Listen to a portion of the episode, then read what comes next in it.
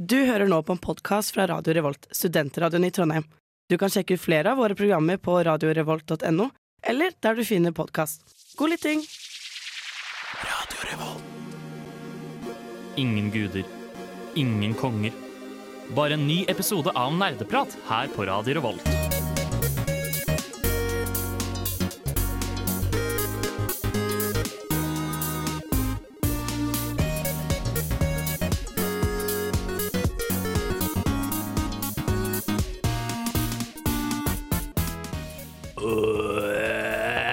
Oi, shit, var det en zombie? Nei! Det er meg, Lars Martin, og du hører på Nerdeprat nå på torsdag kveld. Hjertelig velkommen skal du være. Som du kanskje skjønte fra min litt eh, eh, utsatte intro, så skal vi snakke om et veldig spesielt tema i dag. Vi skal snakke om zombier. Med, med meg i studio i dag, som alltid, Oksana, Ja, hei. Oksana. Bård Hei. Og på teknisk Håkon. Hei, hei. Vi skal ta deg med gjennom en heidundrende sending i dag, hvor vi skal snakke om alle typer zombier. Eh, men før vi gjør det, og hører hvordan gjengen har det, så skal vi høre ei låt. Vi skal nemlig høre I See You av Lady Queen. Fy faen, for en uh, flow, ass. Den biten her slapper, altså. Jeg skal ikke lyve. Shit, ass, dette må jo være nerdeprat. Det medfører korrekthet. Det er nettopp nerdeprat du hører på, og vår flow er fresh. Den er unmatched. Den er unmatched. Nå skal vi ta en liten innsjekksrunde, og i dag er det Oksana som skal få lov til å starte. Ja, eh, jeg har faktisk spilt ganske lite, egentlig. Men jeg har spilt eh, et spill. Jeg har spilt eh, Brothers på Switch. Eh, det er et eh, veldig interessant spill, fordi du spiller som to brødre, og du spiller dem, altså i hvert fall som singleplayer, spiller du dem samtidig. Mm. Så hver av joystickene på Switch-kontrollen er hver sin bror. For som den ekte gameren du har er, så har du ikke funnet noen å spille dette med. Nei. Nei, altså sånn Jeg var jo litt usikker på når jeg kjøpte det spillet, om man kunne spille det sammen på den måten, sånn som det man gjør i, i, i It Takes Two. Men det kan man. Jeg syns det er supersmart design da, for de som ikke har venner. Mm. Eh, at man faktisk kan spille spillet alene. Det var ikke ment som en diss mot deg, eh, selv om eh, jeg står for det. Det er Gamerversjonen av å sette seg på armen og legge den rundt halsen din, så det føles som noen klemmer deg. Men OK, anyway. Jeg syns i hvert fall det er jeg syns jo det er egentlig ja, veldig smart design av spill. Eh, jeg, det eneste at jeg bare husker liksom ikke helt hva questen min var, hva jeg gjorde liksom jeg spilte det sist. for Du kan jo bare- si hva du, man starter med, da. Ja, Man starter med å eh, bære en syk person i en sånn tralle, liksom. Så du styrer på en måte begge brødrene når du tar denne tralla ned, og så får du liksom fordi det er ikke noe tekst. De snakker om det er norrønt eller De snakker i hvert fall et språk som jeg ikke kan. Ah. Eh, så du, jeg vet ikke helt hva som foregår, men det er masse sånne mytiske eh, holdt å si, Monster er det troll der, eller noe Mm. trolllignende ting der. Eh, det er liksom farlige hunder. Og det er liksom veldig sånn puzzle Veldig sånn puzzlete spill. Og jeg syns det er egentlig ganske bra. Eh, bortsett fra jeg syns det kan bli litt kronglete, da. Med å er- styre de to brødrene. For jeg har ikke nok hjerne til å kunne på en måte koordinere de sammen, så jeg går liksom steg etter steg med de, da. Så er det liksom ikke direkte slåssespill, det er mer sånn unngå fare-spill. Stemmer det? Ja, så langt i hvert fall. Ja. Nå har jeg Mm. bare liksom gjort små puzzles og unngått fare, og liksom man kan, ikke sant, du har du kan blåse på en hund, så går den mot deg, så kan andre broren løpe og gjemme seg ikke sant, og gjøre sånne type ting. da. Ja, sånn ja. Og i tillegg så har jeg lest Silmarillion, ja. som alltid. Jeg har ikke fått lest så mye denne uka her, men nå kan jeg så mye om alvene at det går ikke an. altså. Har du lagt ut din ukentlige post på r slash braincell og uh, skrytt? Ikke ennå. Jeg vil komme halvveis først. Etter sending. Den er god. Etter ja, Yes. Bård? Jeg har spilt litt av hvert. Jeg har annet plukket opp eh, Crab Champions, som Håkon nevnte for noen uker Hey, siden. let's go! Men jeg er ikke helt like fornøyd med det ennå. Eh, Det, det er tydelig at det er sånn litt tidlig i utviklingsfasen, og jeg syns spillet tar per nå for lang tid. Ja, men det er jeg enig i. Jeg er helt enig i at runden er faktisk altfor lange. Ja. Um, men jeg vil gi litt sånn Fyren som har laget dette, er fyren som lagde Crab Rave-låta. Han er ikke en spillutvikler. uh, så, så for det med det i baktankene så syns jeg det er en god jobb, Ja, altså, liksom. det, Jeg spilte med to-tre andre, og sånt, og det var ganske gøy. Mm. I tillegg har jeg spilt uh, V-Rising med de samme folka. Også et utrolig bra spill. Uh, Rust, bare uten de problematiske sidene av Rust, men også vampyrting i tillegg, som gjør det veldig kult. Så uh, ta hvis du hører på, uh, spiller V-Rising. Han hadde likt det. Mm. Ja, det tror jeg. Hva er de problematiske sidene av Rust? Eh, f altså, Du bruker 50 timer på å bygge opp en base, og så kommer noen og ødelegger den. Å, du, du kan gjøre det i. V-Rising også, men i V-Rising så virker det som det er mer å gjøre på siden av. Du kan liksom drepe ting for å skaffe krefter som gjør det faktisk litt mer interessant, men Mm. i Rust så er det bare gå rundt, finne en boks med en eller annen eh, oppskrift på, sånn at nå kan du endelig lage eksplosiver. Ja. Og da kan du da bruke det til å invadere en annen base. Og det, jeg føler det er liksom spillet i Rust, fordi når du spiller på en server med mange andre som kan invadere deg, så kommer du aldri noe lenger enn det. ja, jeg skjønner. Pappa, pappa, jeg er lei meg. Gutt, ikke vær lei deg. Vær bedre. Hør på nerdeprat. Tusen hjertelig takk til Kratos for den oppmuntrende meldingen der. yes, Vi fortsetter innsjekken vår, og Håkon, please fortell meg hva du har gjort siden sist. Jeg, siden sist, jeg har ikke fått rukket å spille så mye, og det er fordi jeg har vært litt opptatt med master og slikt, bla, bla, bla, men også at jeg har vært i Stockholm. Ja, Jeg var i Stockholm en helg fordi min eh, eks-romkamerat Thomas, som faktisk har gjestet Nerdeprat Mm. før, Oi. Ehm, har fått seg doktorgrad i Canada. Oi, oi, oi. eh, Rakkeren. Og-. Og Norge har jo ikke kanadisk ambassade, så vi måtte til Stockholm for å skaffe visum. Jeg synes syns det er så Ja, rart. det er Det er rart. Det gir så lite mening. Ja, Så vi var der, vi gjorde det til en tur, da. Vi gjorde det til en tur, Det var veldig hyggelig. Vi var der en helg, Ja. Var du innom den sci-fi-butikken som Nei. jeg nevnte? Åh, Ja, men eh, jeg har jo Jeg så den flere ganger, men Ja, vi hadde ikke tid ja, Ja. Åh, det, til å gå innom. til alle som ikke vet, det er en sånn bedre versjon av Outland-typ. Den Ja. er så kul! Ja, du, du sa jo det. Jeg så også um, Det var mer på den derre Det het Høtorget, ja. som da på en måte er virket som shoppinggata, da, Ja. um, og slikt. Hvor det var et sted som het Gameshop. Ja. Og jeg var sånn Det her ser helt OK ut. Helt til jeg så at de hadde Golden Eye på Nintendo 64 oh, i vinduet. Og da var jeg sånn wow! flate. Dette var kult. Jeg skulle ønske jeg hadde tid til å sjekke det ut. Ja, ja, ja. Eh, Men de hadde flere retrospill også. Jeg tror Mm. de hadde Super Mario 64 til eh, Jeg tror det kostet 600 kroner. da Mm. ja, for det er ganske Um, sjukt. Det har begynt å koste ganske mye penger, Ja. disse gamle retrospillene. Men det er jo verdens beste spill, da. Så, Ja. eh, Ja, det Og det har jeg faktisk på Nintendo 64. Det er hvis du trenger en quick buck, Oksana, så kan du selge det på Finn. Har aldri i livet. Men eh, det var veldig hyggelig. Men jeg har også rukket å spille litt. Jeg har spilt mer Spelunky 2. og Ja. um, det er jo Jeg har nevnt det flere ganger på Nerdprat at det er det vanskeligste spillet jeg noensinne har spilt. Og jeg er fortsatt ikke noe som helst nærmere på å fullføre spillet. Ikke sant? Prøver du liksom 100% fullføre? Ja ja, jeg gjør jo det. Jeg må Lykke jo det. til. Lykke til. Men det er um, Det er jo veldig vanskelig. Og jeg er jeg har bare innsett en ting, og det er at Spelunky 2 hater meg spesifikt.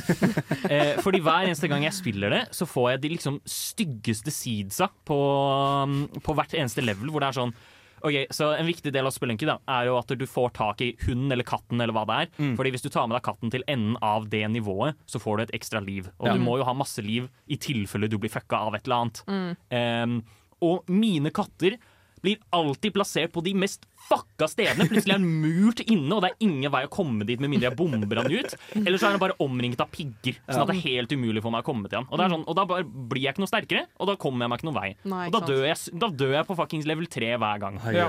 akk Jeg- og jeg blir sur, ass. Nerd rage. Men, men det er kjempebra spill. da. Jeg elsker det, faktisk. Ja. La meg hjelpe deg litt ut av det sinnet der, Håkon, med å fortelle litt hva jeg har drevet med. Ja. For i motsetning til dere nerder, så har jeg vært ute i den vakre Trondheimssola og fått masse sol. Kødda, jeg har spilt ferdig God of War. Let's go! Endelig. Tremånedersprosjektet mitt er nå endelig ferdig. Jeg kan si ganske kjapt og greit. I starten var jeg ganske skuffa over slutten på historien. Men så begynte jeg å tenke. Og når jeg begynte å tenke, så tenkte jeg jøss, dette var kanskje litt av poenget. At det skulle være antiklimaktisk. Fordi i starten var jeg sånn Er dette det? Eller som jeg hadde sett for meg bare Jeg skal ikke spoile for mye her, da, men jeg hadde sett for meg noe veldig stort, og så var det veldig lite. Ja. Ja, for eh, jeg er enig, og jeg syns at det, slutten på God of War Ragnarok var liksom Det føltes litt rushed ut. Veldig. Og at det manglet en del viktige elementer til det. Ja. Ehm, og at det liksom På en måte det store klimakset jeg forventet at det skulle være større, som du sier. Men Mm. selve slutten, altså det aller siste Ja. øyeblikket før liksom title credits, Ja. helt perfekt. Den Jeg beste måten de kunne avslutte spillet på. Jeg Gråt som en bitte liten baby hjemme i sofaen alene. Det var så rørende. Og vet du hva? For en reise. Jeg er så takknemlig. Takk til Kratos, takk til Atreus, takk til Freya for at jeg fikk være med på denne turen. Nerdenytt. Live fra Nerdeprat Studios i kveld. Det er Nerdenytt, og vi er klar til å ta mikrofonen videre til vår mann på bakken, Bård. Bård, har du noen nyheter til oss?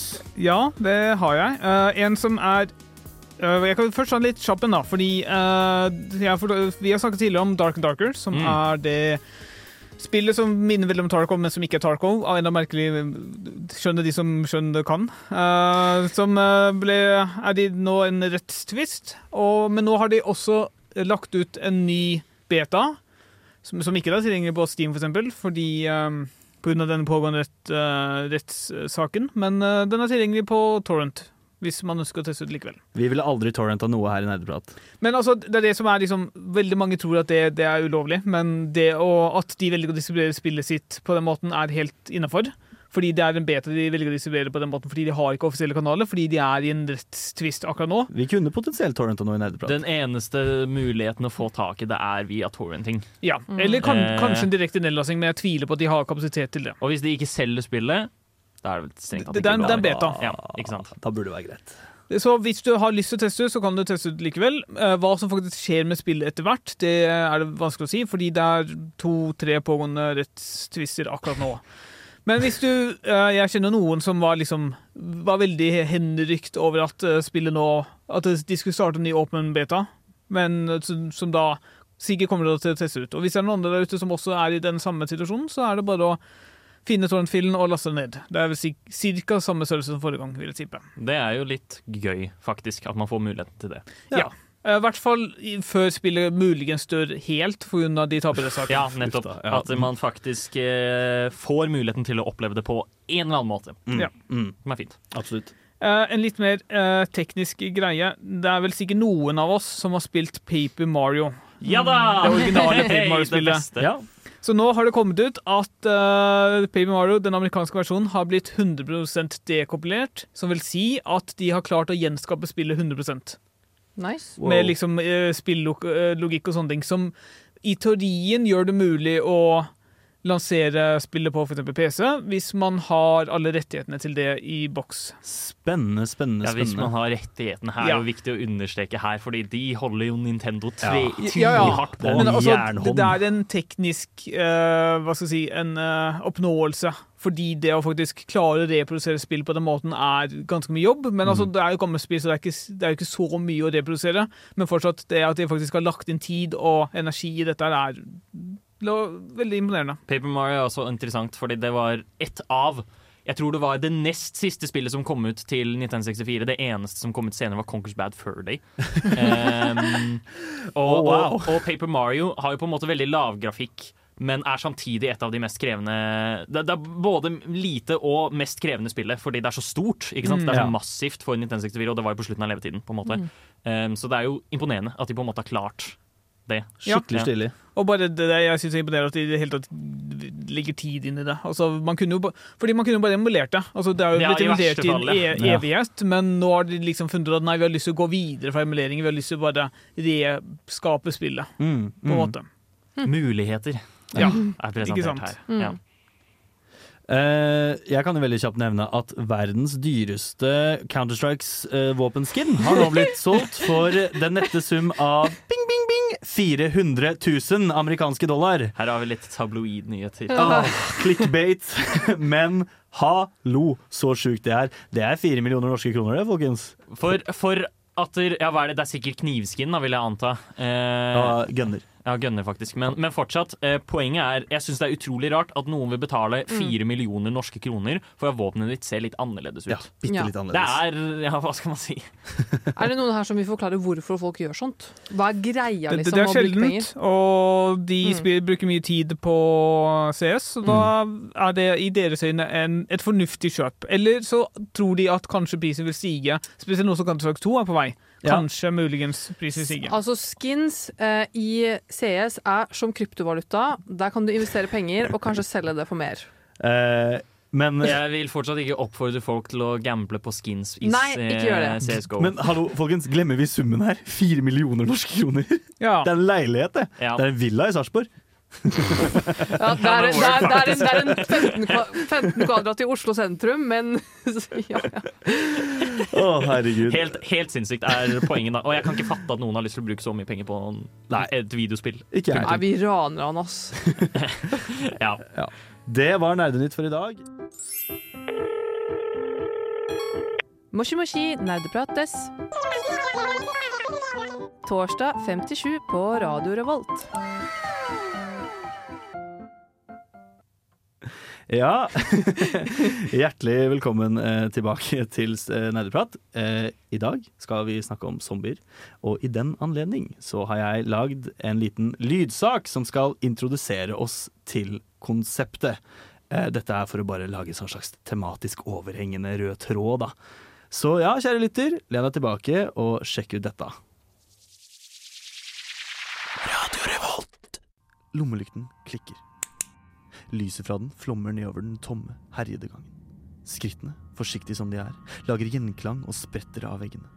Du er fokusert. Skikkelig fokusert. Et sted dypt inni den delen av hjernen din som føler frykt, vet du at det neste hjørnet du snur, kan bli ditt siste. Du hever pistolen, tar en dyp pust og gjør deg klar for det uforståelige. Nei da, du sitter egentlig i et mørkt rom med hodetelefoner, hvit monster og en god dose Doritos.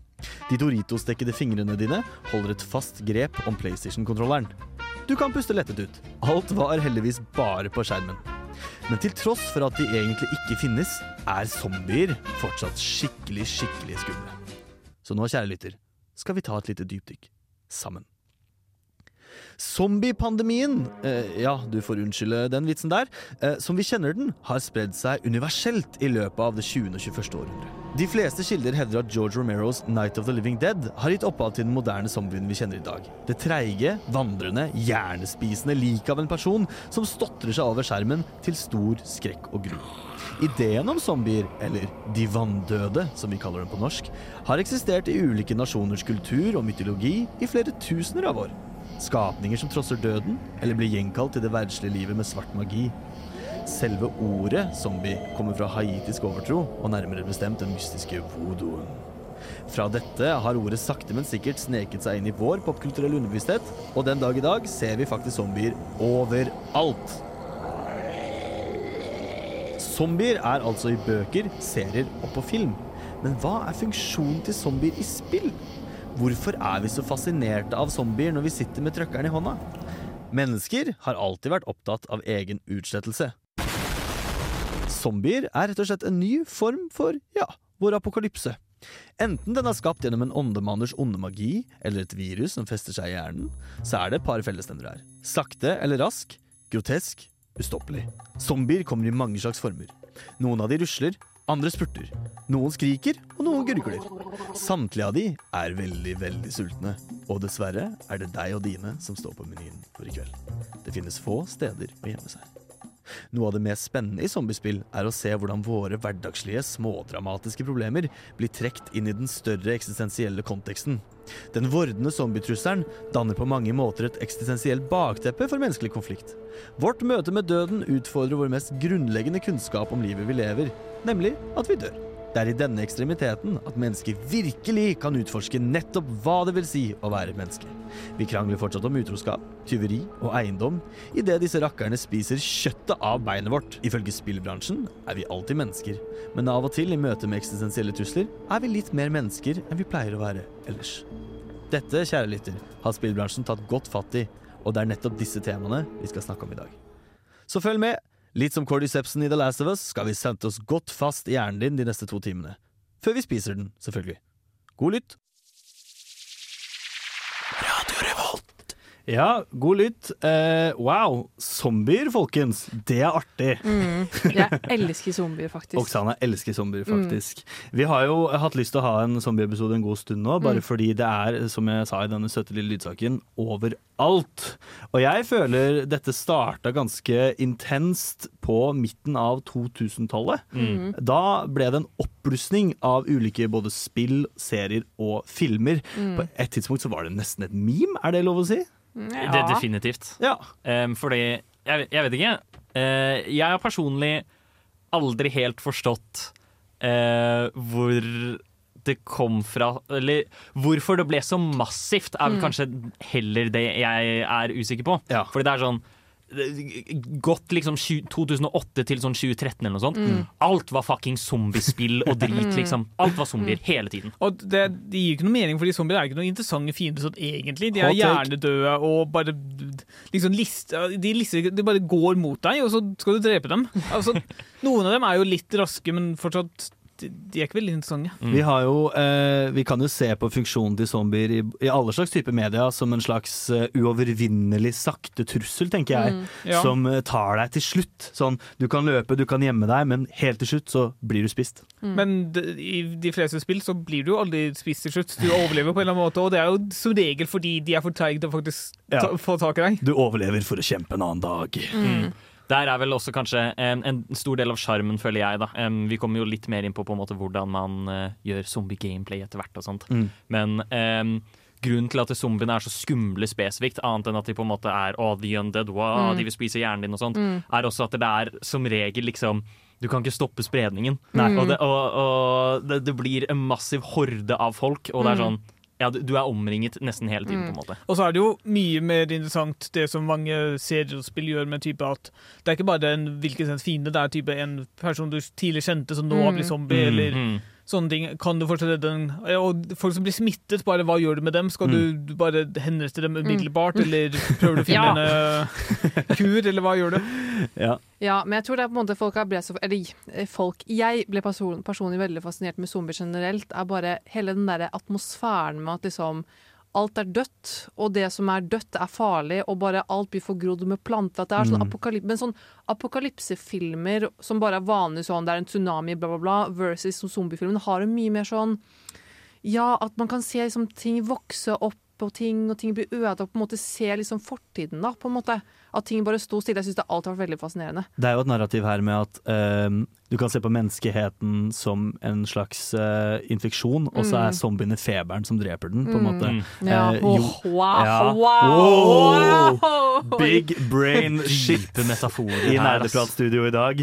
Eh, og jeg tenkte også på det her med, som du sa, Oksana, at det er så kult å se liksom verden tar seg selv tilbake. Mm. Du ser, det her, nå, nå får jeg veldig Last of Us, da vi skal snakke litt om det senere, men det her med store trær som vokser gjennom Mm. skyskrapere og sånne ting. Mm. Men det er jo ikke bare denne virusvarianten vi ser når det gjelder zombier, det er jo denne gode, gammeldagse necromancer-zombien Ja. òg. Og der tenker jeg den er litt mer sånn treig og spiser gjerne litt hjerne. Ja, um, Spiser fordi gjerne litt hjerne. Det er en ting vi også bare går litt inn på senere. At det, de, de nyere zombiespillene går jo for den mer realistiske tingen. Men det startet jo på en måte med liksom den Mm. overnaturlige og ghouls, rett og slett. Em, ja. og, og, og, men jeg har alltid forstått hvorfor de skal spise hjernen din. Er de bare sykt glad i kolesterol? Det er fordi liksom? de, de, har, de har ikke en selv.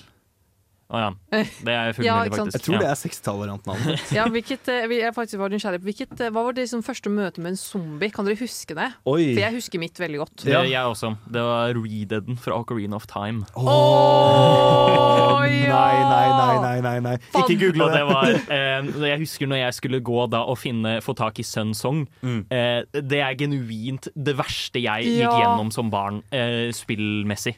Jeg hatet det. Word. Det hadde jeg helt glemt. Kjempeskummelt når du kommer ut av tempelet etter å ha turna time, og så det første du møter uti der, er den der Ja, herregud, det hadde jeg helt glemt.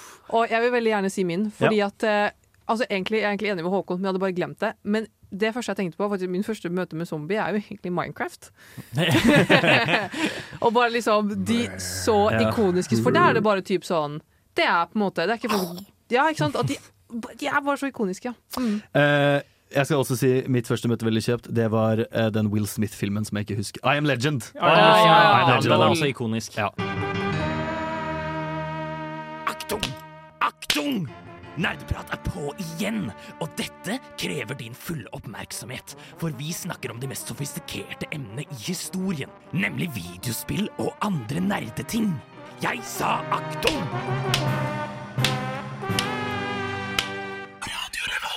For å sitere tysklæreren min på videregående, Achtung, baby, nerdeprat er tilbake i studio. Vi skal Han sa spesifikt det. Han sa faktisk Ja. det. VG1 tysk 2. Hva betyr egentlig Achtung? Eh, fare. Pass deg. Ah, ja. Ja. Ok. Eh, vi skal snakke litt om gameplay i zombiespill. For her har vi en myriade av forskjellige måter å løse zombiefella på, eller problemet på, som vi snakka litt om rett før låta. Mm. Eh, er det noen av dere som får noen umiddelbare assosiasjoner til hva slags zombie-gameplay dere liker best? Bård? Jeg, jeg vet ikke om jeg vil si liker best, men det jeg har hatt mest erfaring med nå i det siste, er horder av dem. Ja. Som er ikke den, liksom, den sløve varianten som du har fra mange tidligere spill og serier, men type de, de som bare er på omtrent adrenalin og bare stormer deg og sånt. Ja. Eh, For eksempel uh, World War Z er et spill som, hvor du bare forsvarer deg mot horder. Left 4 Dead og samme. Hvor Mm. du bare omringer deg og Ja, du må bare komme deg videre. Komme deg gjennom. Det er den på en måte den, det adrenalinet som aldri gir seg. Ja. Hyppig Mm. panikk. Dang, dang, dang, Ja, dang. for, for, fordi det gir liksom mening at det er en uendelig mengde av dem, så de kan bare komme Ja. i titalls, hundretalls eh, personer. Ja, for de aller fleste spillene gjør jo på en måte den eh, overveldende mengden eh, zombie-ting som greie, men det er bare litt forskjell i hvordan spillene faktisk utfører eh, det konseptet. da, Hvor det er sånn eh, Hvis du tar The Last of Us, for eksempel, Ja. så vil det være horder av zombier, men bare liksom i enkelte set pieces. Mm. Hvor å, nå lagde du lyd, så nå blir du jaget av en hel haug. Men som regel så må du deale med tre-fire, kanskje. da Mm. Um, og, og så har du spill som Dead Rising, Ja. hvor uh, du går gjennom et kjøpesenter med bare altfor mange zombier, og så bare Mm. valser du forbi dem, liksom. Det er ikke noe stress, på en måte. Og det takler jo zombieproblemet på en litt annen måte. Fordi i sånne spill som Left 4 Dead, som Bård nevnte, så handler det jo om å overleve. Mens i Dead Rising så føler jeg det er mer sånn kreativt. Mm. Hvordan skal vi drepe disse zombiene? Ja. Jeg syns jo da, um, personlig, men jeg liksom retninger som uh, Left for Dead og Resident Evil um, går den beste retningen av det, fordi de, de selger zombien som en ekte trussel. Ja. Uh, rett og slett ved at det er en overveldende mengde av dem. Det føles ikke alltid ut som at du kommer til å komme deg uskrammet gjennom, eller slikt. Og i hvert fall for eksempel i Resident Evil så er det jo også sånn Zombiene de, de tar liksom fire skudd til huet før de dør. Ja. Og så må liksom, Det får dem til å føles my, mye mer ustoppelig. da Ja, Zombie stamina er jo en annen veldig viktig variabel i zombie gameplay. Hvor lenge klarer denne jævelen å holde ut mm, i møte med dine ressurser? Eh, og i spill som, sånn som Resident Evil, da, som gjør zombien mer utholdende, så får du en god del mer ja, panikk når du møter dem. Ja, nettopp. Absolutt. Mm. Eh, videre så tenker jeg også litt på det her med hurtighet. Sånn som Bård nevnte i stad, så er det noe med hvor raske de er, som er veldig spennende. da. Den klassiske zombien som vi snakka litt om i lydsaken, den er jo veldig treig. Mm. Eh, og liksom rusler over scenen eller gjennom spillet. Mm. Men så har du The Last of Us, for eksempel, hvor du prøver å være helt stille, for du vet at hvis du lager en lyd, så kommer de løpende. Mm. Jeg liker også Jeg må bare tenkte på det Man må liksom ikke glemme zombiene i COD, i Black Ops. Åh, Fordi de er så ikoniske zombier, Ja. på en måte. Det husker jeg var eh, de få gangene jeg fikk ha spilt det spillet. da. Det har vært en, eh, litt av en stressende situasjon, men veldig underholdende. Ja, Fra åttende klasse til andre videregående så snakka ikke gutta om noe annet enn zombies i Mm. Black Ops. Det var seriøst det hotteste skitten vi hadde. Ja. Uten tvil. Um, og det er jo sånn, altså man, Det er nok definitivt hordeaspektet av Mm. det som på en måte best oversettes liksom, Mm. i forhold til zombier og slikt. Men man ser jo det på en måte gjøres annerledes også, da, enn i skytespill, for eksempel. Ta, ta for eksempel det flotte, søte spillet Plants vs. Zombies. Ja! Um, hvor, eh, som, som ja, da vrir liksom at det, OK, det er horde med zombier, men nå er det tower defense. Ja. Det vil si at du, må, du, by, du bygger et arsenal av planter som skal drepe disse zombiene før de når bakgården din og så spiser hjernen din. Mm. Um, og, og da er det jo sånn det er en helt annen vri på det. Det er fortsatt horder. Det er fortsatt liksom en større mengde zombier, og sånt men Ja. det blir på en måte en helt annen atmosfære rundt det også. Det er veldig cute. Jeg syns spesielt den grafiske stilen i uh, Plants vs. Zombies er utrolig nydelig. Å, faen, du hører så jævlig på nerdeprat. Altså, det games, og det prates, og det nerdes, og det er litt. Det stemmer. Det er veldig litt. Eh, jeg, Håkon, Oksana og Bård vi har satt oss i folkevogna og kjørt fra Trondheim til Raccoon City. Wow. Ja, takk for det. Eh, vi skal snakke litt om Resident Evil, og da kan ikke jeg tenke meg en bedre figur til å forklare litt sånn hva er det, enn eh, vår tekniker i dag, Håkon Sundby. Vær så god. Ja, Resident Evil er Vi har, alle, vi har snakket ganske mye om det, det de siste ukene, faktisk. Eh, Men da snakker vi om fireren spesifikt. Da snakker vi om fireren spesifikt. Nå snakker vi mer om eh, Altså, jeg mener, den er jo typ relevant, den òg. men vi snakker om Resident Evil, som i all hovedsak, eh, i hvert fall det aller første, se, setter jo deg på en herregård. em, eh, fordi det ble sendt et eh, team dit. Eh, og så er du teamet da, som skal prøve å finne det teamet som forsvant. Mm. Eh, og så når du kommer inn, så er det liksom fullt av fallgruver og feller overalt. Og ikke minst zombier rundt hvert eneste hjørne, som krever 5000 skudd for å drepe. Ja, for og kjapt spørsmål, Håkon. Hvordan er zombiene i Resident Evil? de er eh, altså og her kommer tingen.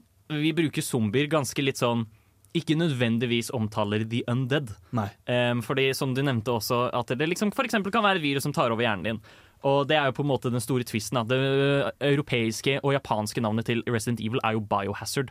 Ah. Um, og det sier litt. Der er biovåpen, og da altså virus som er utviklet Mm. for å liksom gjøre folk til Og det, det er noe feil med de virusene, altså. De blir basically zombier. Ja, ja. Ja. Men de er jo med den saktegående typen som du har litt tid til å drepe. I hvert fall de fleste av dem, men så har du noen som er videreutviklinger, kanskje. Som Ja. er definitivt kjappere og mer sterkere og sånt. Hvis du tar eksempel Resident Evil 2, um, så har du en ganske ikonisk fiende som heter Licker. Um, som er uh, da, da har på en måte zombien videreutviklet seg, som det sier. Den går på fire bein. Ja. Um, og den har på en måte hud over hele. Uh. Uh, den har en gigalang tunge, og den er blind. Æsj. Um, og, de, og de er superfarlige å gå rundt, liksom. Og da har den jo på en måte Da, da har viruset gjort at de har videreutviklet seg, og liksom mutert, kan man si. Bruker den tunga for å angripe? Ja. Øh.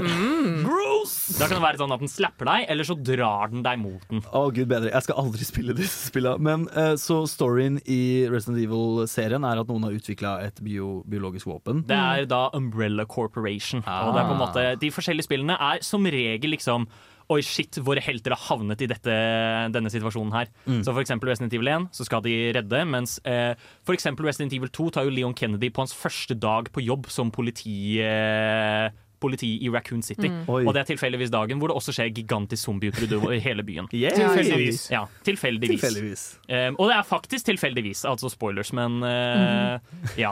Og, og, og da Resident Evil 3 tar jo også sted i samme, samme by. Ja. Og da er det en av karakterene fra Resident Evil 1 som blir jaget av en gigazombie som Oh. ikke kan dø. Shit.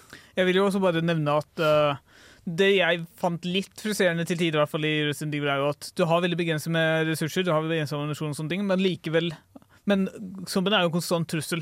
Ja. Når du beveger deg forbi et område og har Mm. kanskje har drept noen zombier, og så skal du tilbake samme sted, så er de der igjen. Ja. Fordi det er jo en uendelig mengde som bare dukker opp på nytt igjen. Ja, og i hvert fall eh, Men særlig Resident Evil 2 og kanskje 1 er mer sånn Der møter du noen Der møter du veldig få zombier, sånn Ja. egentlig. Um, kanskje de kommer tilbake og slikt, men i utgangspunktet få. Men de tåler så jævlig mye skudd. Og de krever så mye ressurser å drepe. Og det er sånn så, så der føles det virkelig ut som at OK, zombiene er de undead. De dør ikke. De nekter å dø, liksom, fordi de bare kommer tilbake. Det er sånn, Du skyter dem tre ganger i huet, og så faller han om død. Og så går du forbi han, og så tar han tak i hånda di. Nei, nei, nei, nei, jeg melder nei. Er det noen måte å unnslippe Eller kan man snike seg forbi disse zombiene? Eller må Ja, du- Du, du kan løpe forbi dem. Du Ja, kan du løpe kan det. dem, altså Ja. Det er jo en risk involvert, men uh, av og til så må du bare ignorere dem. Er du tom for ammunisjon, så er du tom for ammunisjon. Sånn er det virkelig. Og det, det, det skaper jo en altså, Resident Evil er jo kjempegode på den følelsen av um, er, jeg, er jeg sikker på at jeg har nok ressurser til å komme meg videre? Ja. Eh, Den vurderingen, liksom, Ja, den- det, ja, okay. det er jo en kjempegod survival horror på den måten. Ja. Og, og, og det forsterkes jo bare av at zombiene føles liksom udrepelige. I hvert fall der. Og så endrer det seg etter Resident Evil 4. Ja. Hvor der, der er de sånn Nå kaster vi horder og horder og horder av zombier på deg. Sånn at det liksom de, de første ti minuttene i spillet åpner jo med at du er i liksom en landsby, Mm. og så slåss du mot eh, en uendelig horde av zombier. Og Mm. du slåss mot kanskje ti stykker samtidig, hvor en av dem har motorsag. De gjør et skift fra kvalitet til kvantitet. Er det lov å Ja. si det? Ja. Eh, eller altså, det er fortsatt kvalitet, da. Ja. Eh, vil, vil jeg si. ja, veldig bra. Eh, jeg har lyst til å bare ta veldig kjapt at eh, en ting jeg liker kjempegodt med Resident Evil Altså, altså Hvis du sammenligner Resident Evil da med f.eks. The Last of Us The Last of Us er jo sånn Vi skal snakke mer om det senere, men det er Mm. The Last of Us er sånn eh, Å, hva om menneskene var eh, skurken hele tiden? Mm. Eh, hva om menneskene var monstre? Mens Resident Evil er sånn Hva om du skjøt en zombie i hodet, og så eksploderte hodet hans? Eller hva om du skjøt en zombie, og så karatesparka du han rett etterpå? Ja, Eller eller hva om du skjøt en zombie og så supleksa du han? Du tok en German suplex på han og knuste hodet hans under det. Det er bare Altså, det er en, ser, det er en spillserie som tar seg selv uhorvelig seriøst, Ja. men som òg er ekstremt tullete. I denne serien er vi ikke så opptatt av at vi skal dele med det menneskelige. Vi skal drepe zombier! Ja da! Ja! Radio. Radio. Radio. Radio. Radio Revolt, det er helt riktig, og det er nerdeprat som er på kveldens meny. Vi skal fortsette på vår vakre lille zombiereise og snakke om to spill som kom ut i det jeg liker å kalle Valve sin på en måte heyday, da. Mm. Eh, på midten av starten av 2010-tallet, slutten av 2000-tallet. Det, det var vel nesten et av de siste spillene de ga ut før de bare ga seg, omtrent. Før de bare slutta. Mm. Det er selvsagt snakk om Left for Dead Let's go! 1 og 2. Og her tipper jeg Nerdeprat-redaksjonen har et par minner å dele, om jeg ikke tar helt feil. Um, altså, Mine sterkeste minner vil alltid være å kaste molotov på kompisene mine, for så å revive dem, og så kaste en ny molotov på dem. Men det er jo ikke relatert til det vi prater om nå. Men det er jo en del av opplevelsen. Vi kan jo ta en kjapp introduksjon til hva spillet er. Det er snakk om en uh, fireplayer survive. Ikke sånn survival som vi kjenner det i dag, men det er deg og tre andre mot en horde av zombier Mm. som bruker ulike våpen for å komme deg fra punkt A til B. Jeg, jeg vil si en mellomstor gjeng av zombier. Fordi det er jo Spillet er litt gammelt, og det hadde sikkert ikke teknologien til å ha så fryktelig mange zombier på gangen. Så det var liksom Du så kanskje 10-15 zombier samtidig, vil jeg mene jeg husker. Ja, og spillets gang er jo at starten er gjerne litt sånn rolig. Du finner et eller annet rom hvor du kan preppe deg litt. Du kan ta like, ulike våpen. Du har maskingevær, pistoler, katanaer, Mm. molotov-cocktail, som Håkon sa. Mm. Så går man ut fra dette safe spacet og beveger seg inn i den zombiefylte verden. Mm. Og der skjer det mye ugreit, er det lov å si. ja. Det er kaotisk når det kommer ut. Veldig kaotisk. Det er få ting som kan replikere den panikkfølelsen jeg og gutta mine hadde i åttende klasse da vi satt og gama der. Altså. Ja. Det klasse. Å nei, Bård. Ja, nei, det kom jo ut, ut i 2008, faktisk. ja, Ja, det er en stund siden det. ja vi føler meg gammel, Det er eh, 14. Ja. Vi, vi må jo også nevne de unike zombiene, fordi det er jo kanskje det som er mest minneverdig fra Left 4 Dead. Også det veldig mange liksom sitter, seg, i- Mm. sitter igjen med. Og det er liksom Du har en svær jævel som bare raser ned. Hulk? Noe sånt. Det, et eller annet sånt heter det noe hulking, eller jeg husker ikke. Og så har du en liten uh, snikejævel som bare hopper på deg, Ja. som noen andre må skyte av deg. Og så har du hun som skriker og får Ah. masse forsterkninger. Uff. Og så lurer jeg på om det kanskje er én eller to flere, men det er liksom det er, spesielt den som bare løper på deg Ja. så fort det har blitt sett. Den, den, er- husker jeg. Jeg for min del uh, syns den du, skrikedama, som du kalte henne så fint, uh, The Witch, lurer jeg på om hun heter, da. Den Ja. typen zombie. Ja. Når det blir, du, du vet så sykt når hun kommer, Fordi når det blir litt stille, og du har voicechat, Ja. så er du sånn Nei, gutta, nå skjer det. Og så hører du Ja. bare den derre i bakgrunnen, og så får du frysninger ned hele ryggen. Jeg, jeg tror du liksom kan se henne liksom sitte på huken sånn i et Mm. hjørne. Ja. hvis du er kjapp nok, så kan du Mm. bare drepe henne før hun gjør det. Ja, ja. Og en ting, altså, en, en ting jeg føler i hvert fall de spesielle, unike zombiene gjør, er at de liksom De kaster discord inn i det du tror på en måte skal være smooth sailing, eller hva Mm. man skal si, og liksom videre gjør det, det hele liksom zombietrusselen så sykt skummel og uovervinnelig. Og det er sånn det liksom Kanskje, da. Ja, la oss- si at Witchen skrek, og så kommer det en horde med zombier og slikt. Eh, og så plutselig så kommer det en smoker, ikke sant? Uh, og, så, og så tar han Mm. tunga si rundt halsen din, og så uh. Eh, og, og da er plutselig én karakter ute av spill, og da må de andre begynne å redde han. Ikke sant? Og da, Ja. er det sånn, da må de slutte å fokusere på det de gjør, og så må de fokusere der. Og det er bare sånn Man må delegere liksom overalt. Og jeg, jeg vil si Det var det som liksom redda spillet på mange måter. Fordi Enig. spillet i seg selv er ikke så fryktelig interessant. Du går fra A til B, du har Ja. noen liksom trygge rom på veien. Veldig. Men det er det. Det er ganske lineært, og for å være helt ærlig, jeg boota opp det her eh, i fjor, som- eller forrige fjor sommer for å bare sjekke ut. Holder seg ikke så bra, altså. Men da tok jeg en epic gamer move og spilte alene. Så Ja, okay, ikke sant. sjarmen ligger jo i multiplayeren. Det er jo sykt mye bedre med venner. Mm. Som alt annet i livet. Men det er, det er et spill som uh, fungerer sykt bra liksom som en um, Hva skal man si? Stressende. Eh, sky, altså det her er også liksom i kategorien 'vi skyter zombier og har det gøy med det'. eh, som, som er en fantastisk sjanger av videospill. Absolutt. Mm. Ofrer kreativitet for hyppige adrenalinspikes løpende gjennom fra brett til brett. Ja, og det, og det gir jo eh, Left 4 Dead, fordi det er jo liksom eh, til tider ganske vanskelig, liksom. Fordi, det, fordi de eh, zombiene er så skumle og farlige og ekle og rare. Altså Jekker du opp det på vanskeligste vanskelighetsgrad, så har du en utfordring, altså. Ja. For det er Mm. faen ikke bare bare. Uff. Ja. Men har dere egentlig spilt eh, Back for Blood? Ja. Ja, Hva syns du om det? For jeg har glemt at det fantes, selv om det kom ut i 2021. Jeg vet ikke hva det er med det, men det mangler liksom omfen til eh, Left 4 Dead. Jeg klarer ikke å beskrive hvorfor. Du Ja. bare gjør det. Og så er det litt sånn For det én ting som jeg syns var veldig eh, Som jeg synes var veldig kult, er at de kan bare finne på at OK, nå går det gjennom denne levelen. Boom! Her er det, her er det en gigantisk raid-boss. Ja. Um, og da er liksom en Ja, hva skal man si?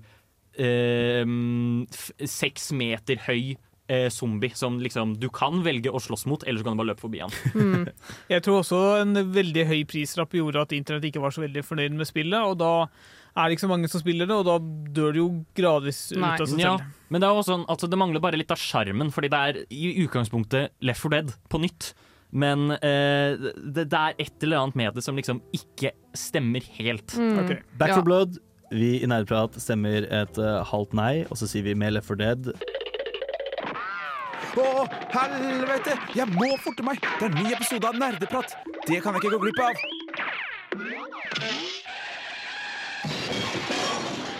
Ja, det er Crashlanda vi er inne i sending. Kjapt og tilbake. Vi skal snakke mer, eh, og nå skal vi snakke om en spill- og TV-serie som har tatt verden med storm. Eh, både nå i år, i 2023, Mm. og 2013, da det første spillet kommer ut. Vi snakker selvsagt om The Last of Us. Mm. Ja. Åh, we should keep moving. Eh, historie om Joel og Ellie har blitt ganske, hva skal man si, eh, kobla til zombiesjangeren på en spennende måte, fordi de tar jo eh, ikke en ukjent variant av zombiesjangeren, men en litt sånn artig en med at det involverer sopp. Rettere sagt cordycepsen som setter seg i hodet. Det er jo nesten det samme som virus, bare at det er Ja. Det er mer levende. Ja. Er det Det det er, det er sånn, altså, jeg føler du kan forklare det meste av sånne ting med liksom sånn Å, så kom viruset, og alt endret seg, på en måte. Ja. Ja. Og det er jo på en måte sånn eh, Det er en McGuffin som man kan gjøre hva man vil Mm. med. Det, sånne virus, Mens cordyceps er en faktisk reell ting. Selv om det ikke fungerer på den måten som de beskriver i Mm. serien eller Ja. spillene, så er det fortsatt en ekte ting. Og jeg syns det de gjør med det, er interessant. Mm. Jeg husker alle de artiklene som kom ut på BuzzFeed og sånn rett etter Last of Us-serien eh, premierte, som var sånn Visste du at eh, The Last of Us-soppen fins på ekte? Å, herregud! Ja. Wow! Men vi kan jo ta en eh, kjapp liten eh, intro på å forklare hva Last of Us er, da, for de som ikke har vært borti det før. Og det er jo rett og slett et postapokalyptisk eh, Ja, de er vel i Boston i starten, er det ikke Mm. det? Hvor eh, den gamle krigsveteranen Joel eh, blir pl- pairet opp med en ung jente med navn Ellie, som er Dun, dun, dun, immun mot cordycepsen. Wow, shit, Det er alltid en som er immun, you guys. Ja. Ja, selvfølgelig. Så målet i spillet da er å transportere Ellie fra dette stedet til et sted hvor man kanskje kan utvikle en kur. Er det noe han finner ut på egen hånd, eller har han fått et oppdrag av andre? Han, han blir ikke fortalt det Nei. umiddelbart at hun er uh, immun, men Mm. hun finner jo ut uh, hun- Han er en smugler da, Ja. uh, som yrke, og får beskjed om å smugle jenta. Og han, skjønner, han finner fort ut hvorfor, Ja. og det er fordi hun er immun. naturligvis. Ja. Og det er blant annet fordi hun har jo arr på armene etter å ha blitt bitt, men har jo ikke da blitt til en zombie. Spennende. Og den dynamikken der, med det her med Det snakka vi litt om i stad. Det her med hva gjør man i den tida når man vet man er blitt infekta, men det er bare spørsmål om tid før man tørner. Det syns jeg serien gjorde helt fantastisk. Det var så mange scener i den serien hvor du ser Med en gang du ser det arret på armen, så er du sånn Nei, faen, nå er den personen her på lånt tid. Ja. Og det er den suspensen og den dynamikken som oppstår mellom karakterene da, er helt fantastisk å se på. Ja. Det er, det, er, det er utrolig bra, og det er jo liksom et spill eh, og en serie for øvrig som fokuserer mer på det menneskelige aspektet. Av liksom eh, Tar en mer sånn realistisk sånn ting hvor uh, Hva skulle du egentlig gjort hvis du var uh, overlevende i en Ja. zombieapokalypse? Og liksom det, det spiller mer på følelsesaspektet enn Mm. noe annet. Absolutt. Som, og, og liksom det der med hva menneskeheten, hvilken lengde menneskeheten vil gå til for å overleve. Mm, mm. Og skildrer veldig godt de psykologiske effektene det har. Ass. Veldig. Jeg føler at det er sånn Her er det bare å analysere og leke psykolog når man ser på den scenen. Ja. For det er sånn That's trauma. That's trauma response right there. Og det dypper innom så mange ulike studiefelt. Fordi sånn, hva skjer med en stat? Det er det veldig få zombiespill som tar for seg. Hva skjer med staten når zombieapokalypsen skjer? Jo, de blir fascistiske. Selvfølgelig. Da er det makta som rår, ikke Ja. sant? De, må sty de må holde kontroll. Holde kontroll på bla, bla, bla. kontinentet. Ja. Eh, også I tillegg så har de jo sånne rørende kjærlighetshistorier som serien gjorde veldig bra, med blant annet Bill og Frank. Mm. episode tre der. Den er jo blitt ganske legendarisk eh, i året som har vært. Mm. Eh, igjen, helt enig med Oksana, masse psykologiske aspekter ved dette som er veldig spennende. Mm. Jeg kommer jo med kanskje litt hot take, da. i at- med, eller det er vel ikke hot take i det hele tatt, egentlig. Men personlig eh, så trekker jeg mer mot spillet enn Ja. serien. Ja. Um, og det er fordi en ting er, det, er, det er noe helt annet å overleve apokalypsen selv, Ja. Mm. men også at jeg syns at eh, Fordi i hovedfokus så har du Joel og Ellie, på en Mm. Og eh, vi får jo på en måte se verdenen gjennom deres perspektiv. Mm. Og de bygger opp liksom Ja, hvordan er det å overleve i en zombie-apokalypseverden Ja, når ja. alt prøver å drepe deg, Mm. og alt er jævlig og slikt. Og det blir på en måte Det blir alltid sett fra dems vinkel. Det er Mm. alltid dem som er i fokus. Hvordan overlever de? Hvordan går de Mm. frem? Og, og så ser man jo liksom den bygger bånd, og de, på en måte, det eneste de har, er hverandre. Ja. Nesten, på en Mm. måte. Så det er sånn Det er utrolig effektivt, da. Mm. Og de bygger en veldig spennende verden. Mm. Og et annet spennende ting er liksom, hva er det de har igjen?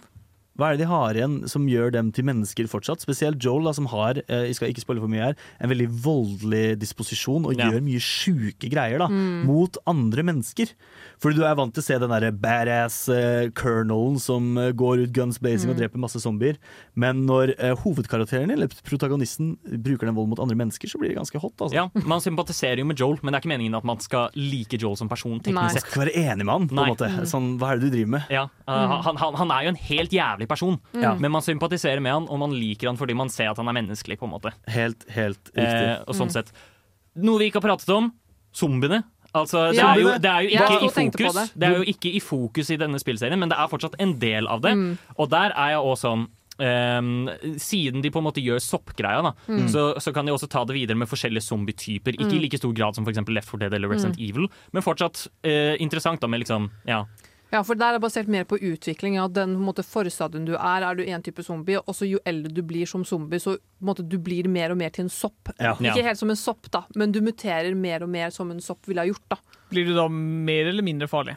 Mer. Mer. Og mer, ja. Ja, ja. Um, Altså, alle som har spilt The Last of Us, vet altså clicker-lyden er Ja, for klik, eh, det er, Første gang du møter en clicker, så Mm. det er jo sånn, de er jo blinde, men eh, med en gang de får tak i deg, så dør de. Mm. Okay. Eh, så, så de er utrolig farlige, og det, det, du skal egentlig ikke konfrontere dem. Det er Mm. meningen at du skal snike deg forbi. Og bare en kjapp fun fact. Jeg klarte aldri å spille gjennom noen av de spillene. Jeg så det jo på YouTube, for jeg syntes det var for skummelt. Det var for mye var var for nervepirrende. Incoming! Du hører på Nerdeprat! Eh, ja, det gjør du faktisk. Eh, og vi er tilbake i studio og skal snakke mer om zombier. Til eh, nå eh, hittil så har vi snakka en del om ganske kjente serier med ganske ikoniske narrativ og karakterer. Nå skal vi ta en litt, et lite sidesprang til noe som også er kjent, men eh, ja, gjør zombiegreier på en litt annen måte. Ja. Vi skal snakke om eh, både spillene Dead Island og Dead Rising. Aller først har jeg lyst til å bare ehm, trekke fram markedsføringen til Dead Island. Fordi For de av dere som så trailerne til det spillet, det var så bra. Det var så psyko bra markedsføring for et så helt OK spill. um, for, hva var det, eh, Annonseringstraileren var liksom at det, man så, liksom, man så et type dødt barn på bakken, Ja. um, og så på en måte rewinder det. Ja. Og liksom går tilbake, at hun på en måte flyr opp gjennom en rute hun hoppet ut av. Ja. Eh, og så liksom på en måte ser vi alt zombiekaoset som skjedde inne på det hotellet hun var på. Ja, Den traileren var helt Eh, fantastisk. fa- Dritkult, liksom. Det er så bra. Også, eh, fordi det er jo i bunn og grunn et spill som handler om Ja, det er en zombieapokalypse på en hva skal man si. Tropisk øy. Ja. ja. ja. Mm. Eh, og, og godt konsept, Ja. sånn sett. Men eh, altså, spillet er helt OK. Seks av ti. Ja. Eh, ja. Jeg tror også, fordi jeg leser anmeldelser av oppfølgeren, eh, eller en ny oppfølger, fordi det kom jo Dead Island Riptide, og så nå kommer Dead Island 2 i disse dager. Denne uka, faktisk. Eh, Og også helt OK. Ja. ja. Altså Kanskje OK pluss. Type, Er du glad i zombier, Ja. og så er, vil du like spillet. Som på som Dead Island. Hvis du liker zombier, liker det å liksom gå rundt med zombier og drepe dem, så er det et bra spill. For nå har de jo flytta eh, lokasjonen fra denne tropiske øya til Los Angeles downtown, og det Ja. hørte jeg det var litt sånn blanda meninger om, da. Ja. Mm. Men vi må jo også snakke litt om hvordan eh, gameplayet er i eh, Dead Island.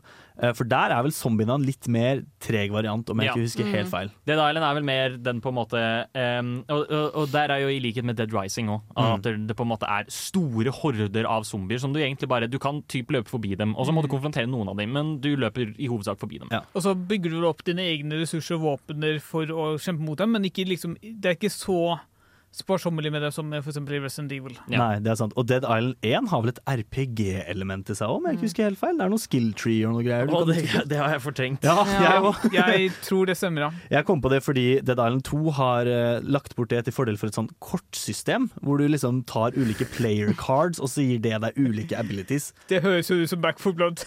Det gjør jo faktisk det. Det høres ut som Back for Blood. Mm. Bare at det, det er to forskjellige typer spill, da. Ja. Eh, fortsatt, men ja, OK. Kortsystem, altså. Eh, og i Dead Island 1 var jo fokuset på melee. Der var jo pistolene ganske dårlige. Ja. Eh, Mm. Der skulle du up close med zombiene, og du skulle hakke og slashe de i stykker. Mm. Mens i toeren handler det bitte litt mer om skyting. Men eh, personlige erfaringer, jeg vil jo mye heller opp og nærme og slå til Ja. en zombie enn å Ja. bare skyte den i hjel. Eh, akkurat der har jeg lyst til å da trekke fram Dead Rising, Ja. som, er, eh, som var min personlige favoritt-zombiespill da jeg vokste opp. Ja. For jeg synes det var så gøy. Altså Det første Dead Rising tar deg på en måte sted i eh, hva skal man si, et kjøpesenter, Mm. er det vel? Ja. Og, så, og så får du beskjed OK, det kommer et redningshelikopter, det kommer om så og så mange timer. Mm. Hva du velger å gjøre med den tiden, er opp til deg. Du må selvsagt overleve, men du kan også hjelpe andre folk i liksom å komme seg ut, eller bla, bla, bla. Du kan ikke hjelpe alle. Em, og det, jeg syns det er et superinteressant konsept. Og selve zombiene er alltid sånn um, de, de går supertregt, og det er gigantiske hoder. Er- det er sånn Se for deg liksom om bare hele Trondheim var på ett kjøpesenter. Det er så latterlig mange eh, zombier i Dead Rising. Og du får de gøyeste våpnene å slåss med i tillegg. Men er det egentlig zombiespill hvis du bare kan sitte inne på et rom og vente på et helikopter? Nei, du, du kan jo ikke det. Tid Neida. passerer når du gjør spesifikke ting. Du må ut og- må ut og kjempe, ja. Så, så du må gjøre ting, på en måte. Mm. Og det er, jeg er ganske sikker på at det er en overordnet handling. Det husker jeg ikke så godt, det er lenge siden jeg spilte. Ta meg med bak ut, Lukas, og henrett meg om jeg tar feil nå, men jeg mener vel å huske at du kan ha en motorsag festa til en hockeykølle i det spillet. Det stemmer. Det stemmer så sjukt. Du har også liksom sånn boksehansker, og du kan til og med få Megaman-blasteren, fordi oh. dette er utviklet av Capcom, det beste spillselskapet. Det beste spillselskapet. Det- men, det- men det er sånn, altså Trenger du noe mer årsak Nei. til å spille Dead Rising når du hører det? på en måte? Du hadde meg på hockeykølle, ass. Ja, og det er, um, det er et spill som på en måte tar sånn Ja, zombieapokalypse, her er det crazy mange zombier og sånt, Mm. men det er sånn vi, Og det er et seriøst nivå, men det er så tullete òg, liksom. Ja. Det tar på en måte OK, du skal ha den gøyeste zombieapokalypsen i ditt liv. Ja, ja, ja. ja, la oss gjøre det litt gøy at Ja. verden går under. Vi skal nå høre fra en mann som er veldig langt unna hva han syns om programmet Nerdeprat på Radio Revolt. Nerdeprat er veldig gøy! Vi snakker om nerdeting og dataspill! Sånt liker jeg! Ja, det liker jeg òg. Og det gjør nok du òg, med tanke på at du hører på Nerdeprat. Vi skal ta zombietoget videre til en ny stasjon. Vi skal snakke litt om det hippeste, hoppeste TV-serien, og etter hvert spillserien, som kom ut i 2010, nemlig The Walking Dead. Ja, altså, ja. eh, TV-serien var veldig hot en veldig periode.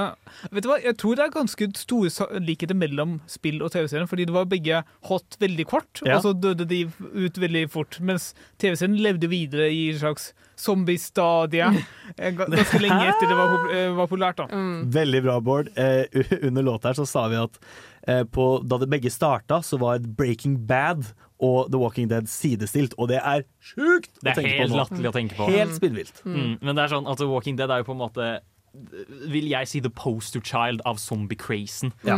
Og, og virkelig Word. den som startet eh, altså Det er jo mye som startet og gjorde liksom at zombier var hot og kult, og bla, bla, bla, men det her var den som på en måte gjorde alt til zombier. Alt var zombier etter The Walking Dead. Eh, og vi har jo med en eh, ikke en gjest, det er et fast medlem av redaksjonen som faktisk har sett på The Walking Dead i det siste. Oksana, fortell oss litt hvordan det har vært. Eh, altså, jeg så på The Walking Dead når det først kom ut for mange mange år siden. Og så Fordi, ikke sant eh, Det kommer så jævlig mye memes nå om, dag, eller, om dagen fra The Walking Dead. Hva, Og hva er memes?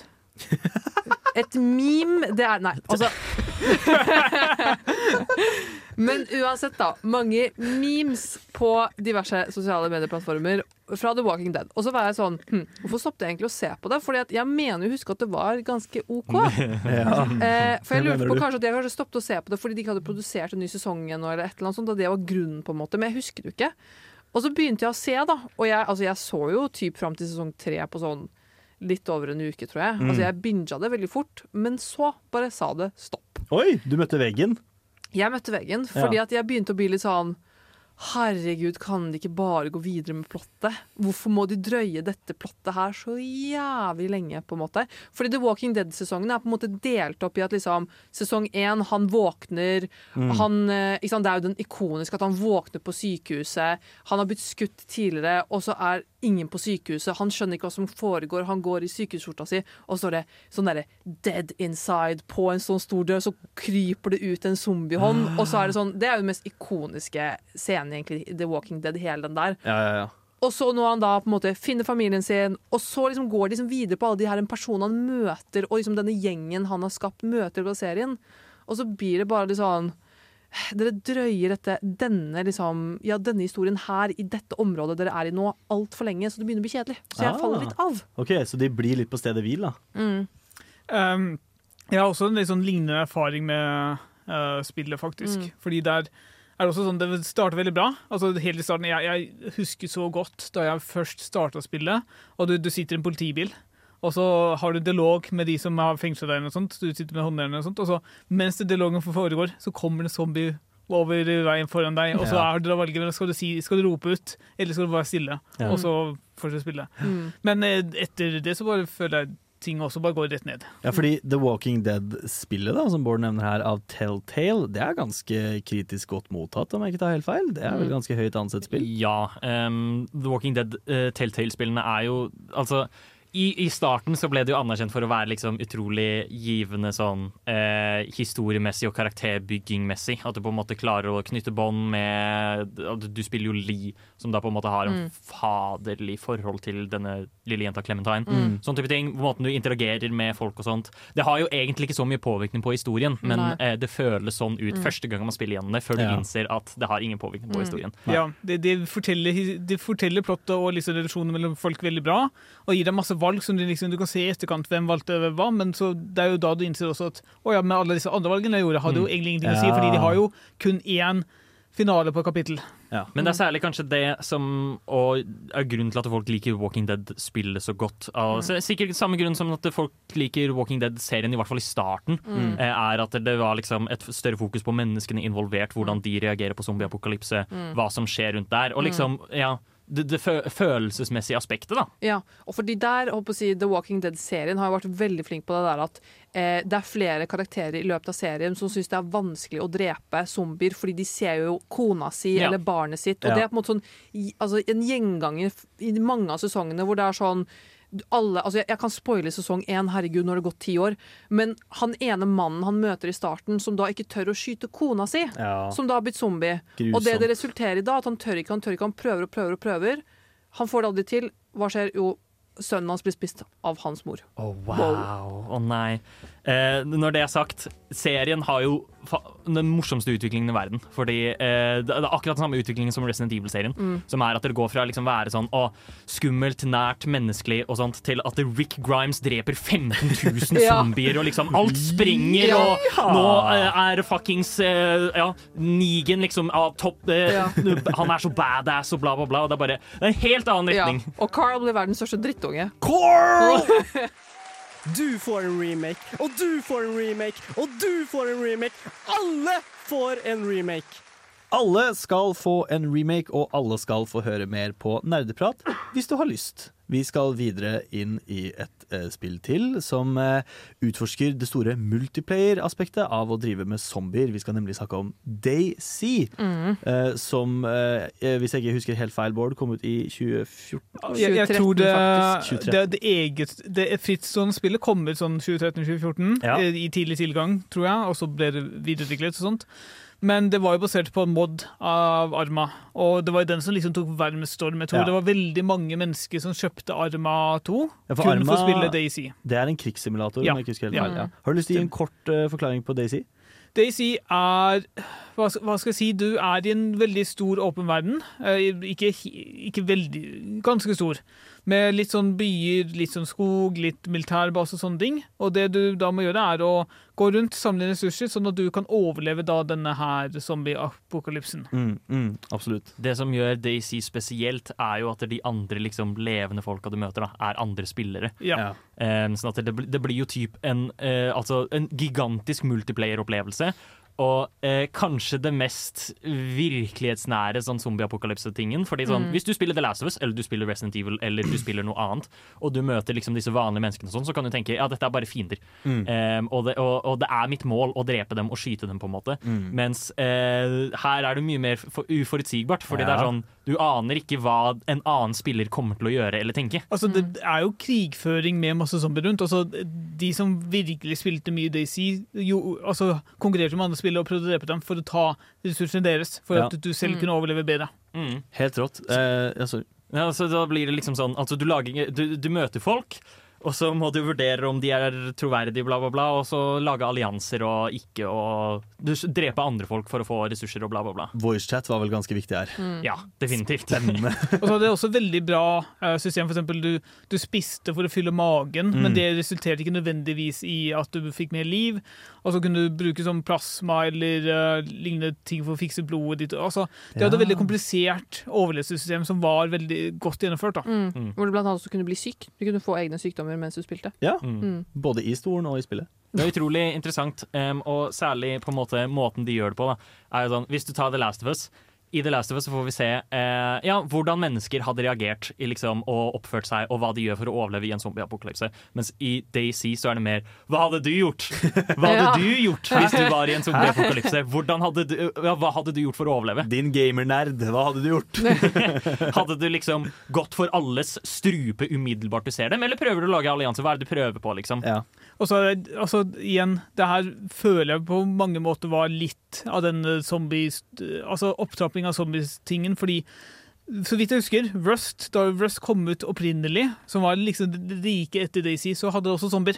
Mm. Og jeg tror det er en korrelasjon mellom Daisy sin suksess med zombier og Rust. Og, men Rust fjernet det etter hvert, fordi de ville ikke liksom De ville ikke være de vil ikke ha fokus, fokus på zombie lenger. Så da ble det bare natur og villmark, liksom. Ja, fordi Zombiegreia den forsvant jo aldri helt, men den falt jo bitte litt av på slutten av 2010-tallet. der er det vel lov å si. Ja. Eh, Mm. Forsvant litt eh, i kjølvannet av mye annet. Mm. Marvel kom inn på banen med masse superheltgreier, for eksempel.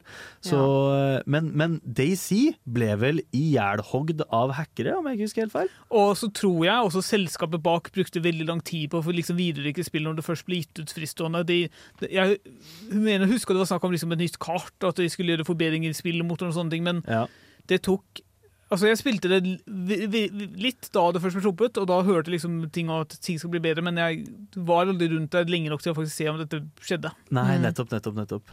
Ja, nei, eh, Daisy spennende. Det er jo den naturlige utviklingen i spillsjangeren. Vi har jo utforska så mye forskjellig i dag av hva man kan gjøre med zombier. Mm. Jeg tenker multiplayer, og som Håkon sier da, faktisk få ekte mennesker du spiller mot, og ikke bare lagde NPC-er med satte agendaer. Det er, Det er, det er så mye større og u mer uforutsigbart eh, ja, eh, måte å interagere med spillet på. Mm. Liksom sånn uforutsigbare elementer Ja. i Mm. spillet som, som, som jeg ser for meg hadde vært realistisk i en zombieapokalypse. Ja, absolutt. Og så er det jo det, det gøye med det er at du kan si at uh, å spille sånne multiplayerspill har jo ikke noen endelig narrativ mål og mening, men det er jo narrativet blir jo til, ikke sant? Ja. Historien blir til mens du spiller det. Mm. Og du og de du har spilt med, husker liksom «Ja, Husker du denne gangen det skjedde, og da, da han fyren kom, og Det blir bare så mye sånne organiske, fine øyeblikk, rett og slett. Mm. Ja. Nei, men Fine og fine. ja, eller grusomme, da. Ja. Spørs litt på hvordan du eh, ser det. Når innså du at du var en gamer? Dersom du kunne spilt kun et spill i et år Hva er det eldste spillet i backloggen din? Hva har du lært fra spill som du har fått nyte av i Er det et spill som har hjulpet deg gjennom en tung periode av ditt liv? Hva er ukas spørsmål? Hva er ukas spørsmål? Det skal vi finne ut av nå, for vi har brukt hele denne sendinga på å snakke om zombier. Og da lurer selvsagt redaksjonen på hvem er vi i en zombieapokalypse? Vi har jo nettopp pratet om Daisy, og Ja. pratet om ja, hvordan, er, hvordan er du i en zombieapokalypse, og nå skal vi svare hvordan vi er da, Dette, i en zombieapokalypse. dette kan potensielt ende vennskapet til alle i Nerdeprat-redaksjonen, men vi overlevde Mario Party, så jeg har trua. Det har ikke jeg. Oksana, du hadde noen ganske sterke meninger. Har du lyst til å starte? Eh, altså, dere, dere sier Vel- hvem jeg er? Nei, jeg tenker at Oksana hørtes ut som hun hadde lyst til å fortelle oss hvem vi var i stad. Men eh, Ok, for da tenkte jeg heller at alle, altså jeg, Bård og Håkon, kan heller fortelle hvem vi tror du var sammen. Ja, Mm. det er jeg enig i. ok. Mm. Eh, fordi jeg håper å si, er bare en, en kvinne, og jeg er en hater. Så det er, tror jeg er best for ditt eget del at du får litt støtte. Du hørte det her først. Ok, Jeg kan starte med at jeg tror faktisk at i en zombieapokalypse det kommer helt an på hvor du er. Er du i Sarpsborg, så overlever du kanskje i et par dager. Er du her, så dør du ganske fort. Jeg beklager. Oi, hvorfor det? Jeg vet ikke. Jeg bare Du, du må jo grunngi hvorfor. Ja. Fordi du jobber innenfor helsevesenet. Ja, vet du hva? Det er faktisk veldig godt poeng. ja, sånn, altså, sånn, du, altså, jeg respekterer ditt yrke veldig, og jeg, altså, herregud, psykologer er kule Ja, folk, men, men du kan jo liksom det. ikke alt annet som ikke er hodet. Men jeg ser på Lars Martin som en ganske ressurssterk person. Som uh, han, han, han er sånn får, får han en beskjed, så fikser han det, på en måte. Eller, ja, type ting. Men han kommer jo til å bli smittet på jobb to dager før utbruddet skjer. Det er. Det er det. Men jeg jobber ikke i somatikken da, Bård. Nei, men Vi overlevde korona på DPS-en, så jeg eh, Hva med Håkon da, folkens? Jeg tror Nå, er det selvfølgelig, nå må jeg, er det jeg som må starte ballen ballen Nei, her. Håkon er personen som har motorsag på hoggy... Ja, men faktisk. Ja. Det tror jeg, jeg tror liksom Håkon som ellers er veldig sånn snill og liksom har på en måte sånn moralske prinsipper og bla, bla, bla. Jeg tror liksom når det er litt sånn The Purge-stemning, når det Ja. blir på det punktet, Ja. så kommer han til å release på en måte det han har tenkt på hele tida. OK! Han har spilt så mye Resident Evil at det, Ja, ja, ja. han er forberedt. Jeg, altså, jeg var født for det her. Og det er ikke fordi jeg er skoleskyter, bare så det er klart. Når, når det sier at jeg skal endelig gjøre det som har vært inni meg hele tiden, det setter jeg ikke pris på. Kameraten er klar for dette, da. Men Jeg tror han blir sånn Ja. Nå, gutta, nå, nå lager jeg et sykt våpen. Og så kommer det sånne kreative ting da fordi jeg har spilt så mye dataspill. Sånn, nå er det på en måte all, all morale has fallen. Det blir litt sånn, Håkon sier det på en måte i et sånt stort klokketårn, og så vet liksom hele Trondheim at nå er det ingen regler igjen. Jeg synes Håkon ligner litt på Leon Kennedy, så jeg tror dette skal gå okay. veldig fint. Hva tenker vi om Bård da, folkens? Bård går Bill fra Last of Us. Bård går inn i en bunker Ja, og også, overlever. faktisk. Så Bård sykt. nevnte for øvrig også at han har balltre i nærheten av seg på rommet sitt. han. Han er allerede strapped. Han er, han er forberedt allerede nå, liksom. Første zombien som kommer inn den døra. Natta. Em, det er vel eh, Nei, det er i eh, Det er en annen serie som jeg ikke bare kjapt kommer på navnet nå. Det er vel også en parodi, jeg vet, husker ikke, men hvor det er en sånn fyr som er på en militærbase som eh, snakker med de som er hovedpersonen i en serie. Altså Han er sånn forlatt på den militærbasen og er for, har fortsatt radio. Bård er den mannen der som sitter på denne basen og er sånn, sånn Jeg har liksom disse satellittene. Han er, liksom Han den er som the guy in the chair. Ja, han er the guy in the chair. Tenk, tanker om dette, Bård? Det høres riktig ut. Ja, ja men jeg, jeg kan nå stille meg bak dem. Mm. Sist, men ikke minst, Boys, Oksana. Ja, Hmm. hva Jeg har mine egne meninger, men eh, Jeg tror Oksana blir veldig Hun er jo combat medic, selvfølgelig, så jeg tror hun blir en kjemperessurs i en En zombieapokalypse. Så lenge hun har nok ressurser, eh, så tror jeg hennes galgenhumor og naturlig blide og optimistiske disposisjon Ja, skal gjøre veldig denne blide optimistiske zombieapokalypsen, disposisjon. eh, til en breeze, altså. Virkelig. Hei, jeg kan sy igjen deres sår, og jeg var på skytekurs. Ja, jo da. eh, men jeg se- setter jo eh, du, du, du skal ikke an, uh, underkjenne hvor viktig og ressurssterk du er. Og jeg kan plante Men jeg tror du og- hadde vært så jævlig misfornøyd og slitsom i en zombieapokalypse. Ja, selvfølgelig hadde vært misfornøyd. Du også? Summa summarum, vi hadde daua hele gjengen. Ja. Du skal få høre en ny låt. Du skal høre Good Day Sir av Tribino, Ivanave og Kalina. Hva er det du liker best ved studentradioen? Jeg hører alltid på studentradioen. Men det gjør vi, og det gjør du. Dette er dessverre slutten på denne ukas episode av Nerd Talk, aka Nerdeprat. Men gjengen, artig episode. Vi har kost oss masse. Jeg mener at selv om zombier på en måte er litt utdatert, så kommer jeg aldri til å bli lei av dem. Nei. På en Nei. eller annen måte. Og det du kan banne på, er at nå svinger jo pendelen litt bort fra zombier. Ja. Så når den kommer tilbake igjen, så kommer den sikkert tilbake med et brak, tipper jeg. Folk elsker de nye Resident Evil-spillene. Jeg tror de lever i sitt beste velgående, Ja. selv om de ikke lever. Ja, Vi hadde alle dødd i en zombieapokalypse. Vi hadde blitt jævlig kule zombier. Det skal vi ha. Uten tvil. Eh, og med det så sier vi faktisk takk for i dag. Takk for at du hørte på, og kom gjerne tilbake neste torsdag. Ha det bra! Du har lyttet til en podkast på Radio Revolt, studentradioen i Trondheim. Sjekk ut flere programmer på radiorevolt.no.